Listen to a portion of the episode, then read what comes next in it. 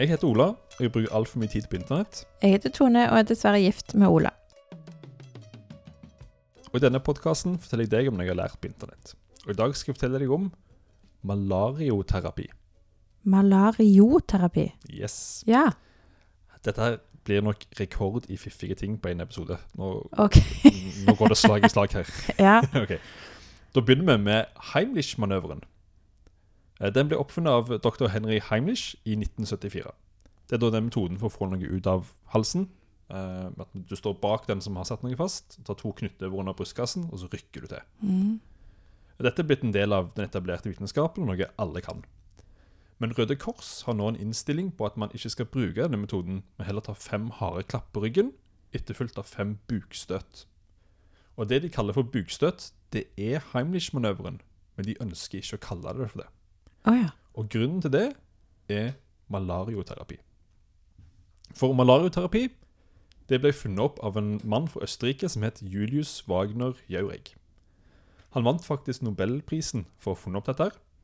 Og han er en veldig fan av det som heter pyroterapi, som er å behandle mentale sykdommer med feber.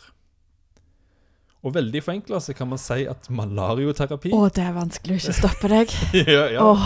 Altså, det, Som sagt, heng ved her. Det kommer veldig mye her. ja. Mm. Veldig forenkla så kan man si at malarioterapi er å utnytte symptomene til malaria for å bekjempe andre sykdommer. Så Julius han investerte nemlig syfilispasienter med malaria, vel vitende om at syfilisbakterien er ekstremt temperatursensitiv. Og symptomene til malaria er at du får veldig høy feber over veldig lang tid. Mm. Og dette virkte. Syflus det var 100 dødelig sykdom på den tida, tidlig 1900-tallet. Og Julius klarte å kurere flere av pasientene sine. Så malariaen som de fikk rett inn i blodet sitt, det ga de så høy feber over så lang tid at det kokte vekk syfilisen. Andre, ja. Mm. Eh, men nå har jo pasienten malaria. Mm. Og Det var en akseptabel risiko, eh, for i malaria kan det i mange tilfeller behandles med det som heter shinin. Mm. Og shinin er et legemiddel fremstilt fra barken fra chinchona-treet.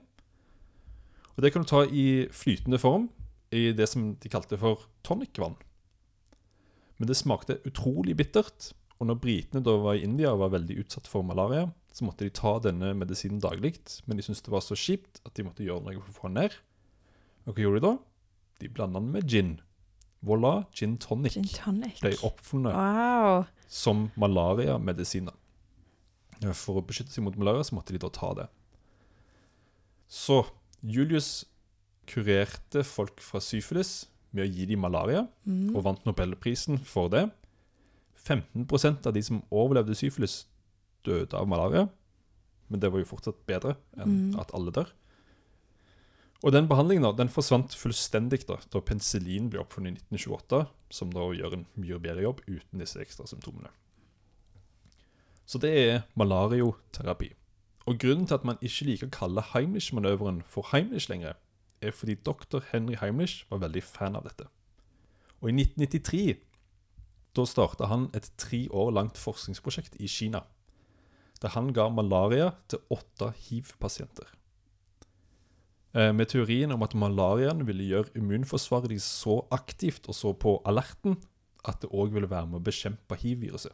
Ja. Mm. En teori som ikke holder mål, Mm. og hele den studien og tankesettet er dømt til å være uetisk og umoralsk.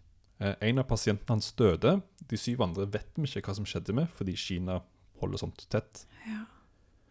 Og Heimlich da, han gjorde da veldig ufine ting på 90-tallet, eh, som gjør at man egentlig helst vil glemme hele fyren.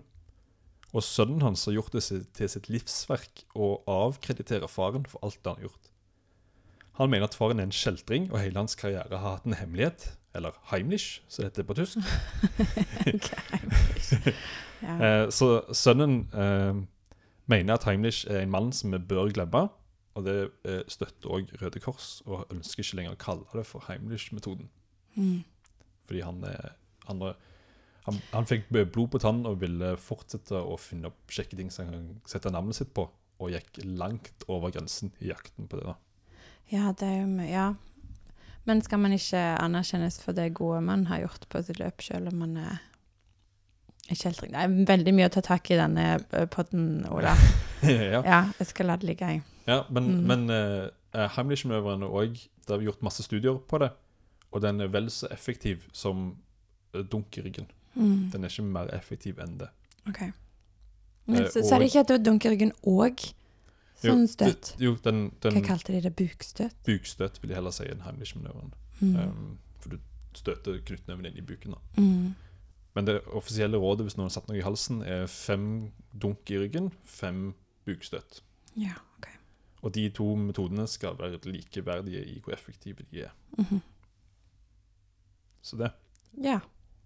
Malarioterapi og Heimlich-manøveren, Ja. det har en sammenheng. Og gin tonic. ja.